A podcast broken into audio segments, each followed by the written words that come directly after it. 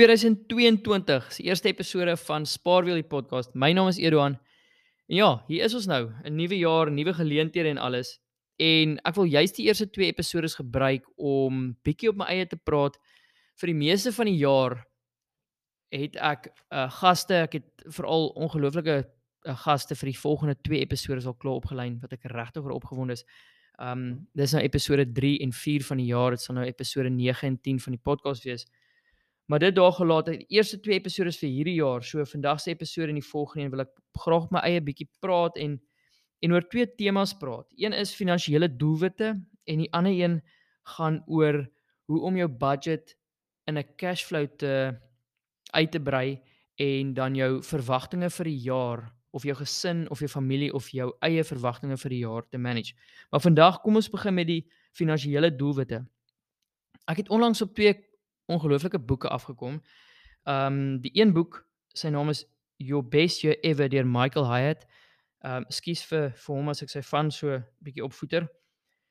Uh ek het op die boek afgekom deur 'n uh, YouTube kanaal. Gaan gaan loer bietjie na die YouTube kanaal is baie baie cool. Productivity Game. Dit lyk vir my of hy 'n boeke boek 'n week lees vir vir die hele jaar, so 52 boeke vir die jaar en dan doen hy sulke 8 minute opsommingsvideo's so op YouTube en hy jy kan ook die uh, one pager PDF daar daai kry.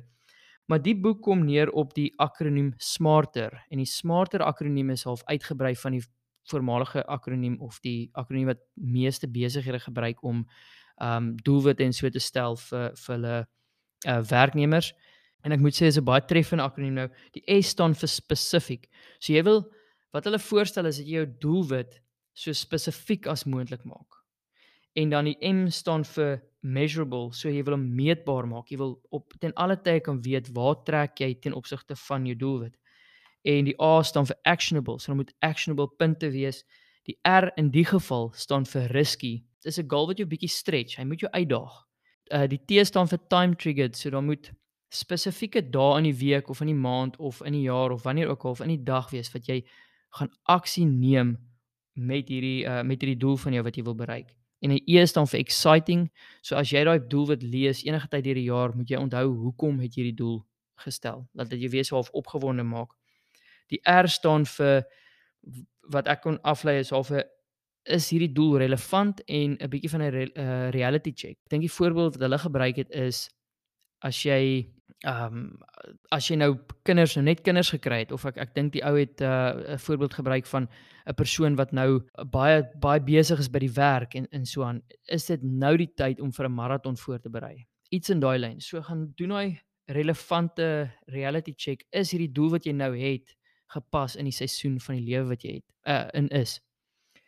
Nou die volgende boek is Chasing Excellence deur Ben Bergeron uh weer eens sukkel ek met daai van, maar ek glo ek het hom miskien reg. Dit is 'n boek wat glad niks te doen het met finansies nie, maar jy kan die temas letterlik gebruik en en toepas op enigiets in die lewe. Of dit nou is persoonlike finansies en of dit is jou werk en of dit is oefening of wat ook al. Van die die boek gaan eintlik 'n story about building the world's fittest athletes. Um dis 'n ongelooflike boek en die twee temas wat ek hoofsaaklik al uitgekry het is mindset. En ek het net in hierdie paar dae van hierdie jaar het ek al bietjie dit toegepas. En daar's ook daar spesifiek gister wat ek het nie toegepas nie en dit was regtig eh, dit daar was 'n groot verskil in in die resultaat wat ek uit die dag het gekry het toe my mindset positief was teenoor toe, toe my mindset uh, ek moet sê positief en realisties was teenoor toe my mindset nie realisties was nie en toe ek geweier het om amper my mindset ek was half hardkoppig om hom te verander. So dit was die een tema, die ander tema is wat heeltemal half amper teenstrydig is met die ander boek wat die akroniem SMART het. Hierdie tema in die boek wat ek opgetel het is dat professionele atlete fokus nie op die resultaat nie. Hulle fokus nie hierdie coach fokus ook op die resultaat nie. Praat byna nie oor die resultaat nie. Hulle praat oor die proses om dag in dag uit die klein gewoontetjies in plek te kry. In dag in dag uit dieselfde ding oor en oor te doen en op die klein verbeteringe, daai marginal gains te noem, te werk van die saamgestelde effek van hierdie marginal gains bring hierdie amazing resultaat op die ou einde. So dit is twee boeke wat ek nou gebruik het en en wat my inspireer het om hierdie episode te maak. En toe ek nou die boeke nou deur die boeke is, toe dog ek okay. Ehm um, maar daar is sekere dinge wat ek en my vrou in ons persoonlike finansies laas jaar nie reg gekry het nie. En hoekom toe ek nou gaan terugsit en te besef ek okay, hoekom ons van daai doelwitte nie bereik het nie, was hoofsaaklik om van dat ons het net te veel doelwitte. Ehm um, ons het ook doelwitte wat nie spesifiek is nie. Dit is soos om meer te spaar of meer te belê, maar jy kan dit nie meet nie. Jy dis dis nie spesifiek genoeg nie. En daar's ook nie actionable punte aan daai doelwitte nie en ons ook geen ehm um, proses wat mens kan volg dag in dag uit. Ehm um, so ons het nie eintlik vir ons 'n proses gaan skryf om hierdie doelwitte te te bereik nie. Daar is wel doelwitte wat ons bereik het oor die vorige 2 jare en dis dit is eintlik half opvallend hoe daai doelwitte wel 'n proses gehad het, wel actionable punte gehad het en meetbaar was en baie spesifiek was. So ek dink dit is die dit is die tema wat ek gaan vat en ek en my vrou gaan vat vir die jaar vorentoe sowel as te fokus op die proses en daai marginal gains, maar ook in die ander boek se tema van daai spesifieke measurable en actionable punte um om ons doelwitte te bereik oor die volgende jaar. So ons um doelwitte vir die jaar, ek tog ek noem dit hierso. Ek en my vrou het 'n doelwit om 'n 32% saving uh, savings rate te bereik in die jaar vorentoe nou in 2022. Dit beteken basies van van ons inkomste wil ons 22 32% van daai geld vir onsself hou op een of ander uh, manier of spaar of belê. Um jy weet ons wil daai geld maak werk vir onsself. Ons is slegs bereid om 68% van ons geld uit te gee aan die wêreld. Nou ja, daar's ons gaan nog lekker in toekomstige episode praat oor savings rate en hoekom dit so belangrik is. Maar ja, ons dit is ons een doel. Net om dit kort te hou, ons wil baie en 32 klink baie spesifiek, maar ek dink uh dit as mens nou nou 'n gedetailleerde budget en so aan gaan doen, dan is dit nie so spesifiek nie. Dit het nou maar net toevallig ge, dit het half toevallig gekom op 'n punt. 32% was die was die doel wat ons wel wat wel 'n stretch goal is, so hy hy sal ons definitief uitdaag, maar Ehm um, dit is wel 'n doel wat ons wel glo ons kan bereik. So is nie iets wat ons depressief sal maak as dit nie bereik nie, maar dit is ook 'n doel wat ons glo ons kan bereik. So dit is hoekom die 32%. Dan die volgende ding is ons bly oor see en ons het nog nie ons finansiële immigrasie proses agter mekaar gekry nie. So dit is een van ons groot doelwitte. Ons wil dit baie graag doen en ons wil dit doen voor einde Januarie. So dit is sommer 'n doel wat vroeg in die jaar daar's 'n tyd aan hom, daar's dis baie spesifiek. Um hy's dalk bietjie moeilik om te meet, maar ons wil definitief ten minste die aansoek in hê voor einde Januarie. En dan laastens, ons derde doelwit vir die jaar is ons wil baie graag op 'n 3 tot 3 en 'n half selfs 4 maande sabbatical gaan aan die einde van die jaar. En dit is natuurlik finansiëel 'n groot uitdaging. So ons wil in 'n posisie wees waar ons dit kan moontlik maak. So ek gaan die nog nog meer spesifiek moet gaan skryf vir ons die meetbare punte, die actionable punte gaan gaan neerskryf. Ek's besig met hom, so ons sien baie uit om te kyk of ons die doelwit kan bereik. Ja, ons glo ons leef net een keer en ons wil baie baie graag al is dit conservation werk gaan doen. My vrou baie van fotografie en sy wil baie meer leer van fotografie en dalk bietjie betrokke raak ergens en en dit vir 'n paar maande doen. Uh ek wil 'n paar dinge doen waaraan ek belangstel. Heel moontlik nog steeds die podcast en nog steeds ander ehm um, persoonlike finansiële dinge en ehm um, ja, wie weet, hooplik kan ons dit regkry.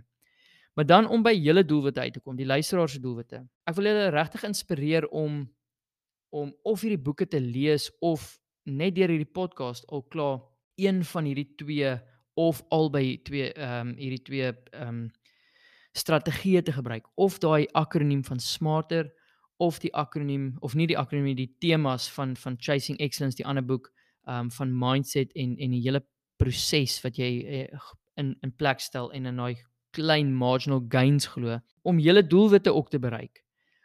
Wat wat ook al die doelwit is, is dit is dit dalk hierdie jaar om skuldvry te word. Na hierdie jaar wil jy glad nie meer skuld hê nie.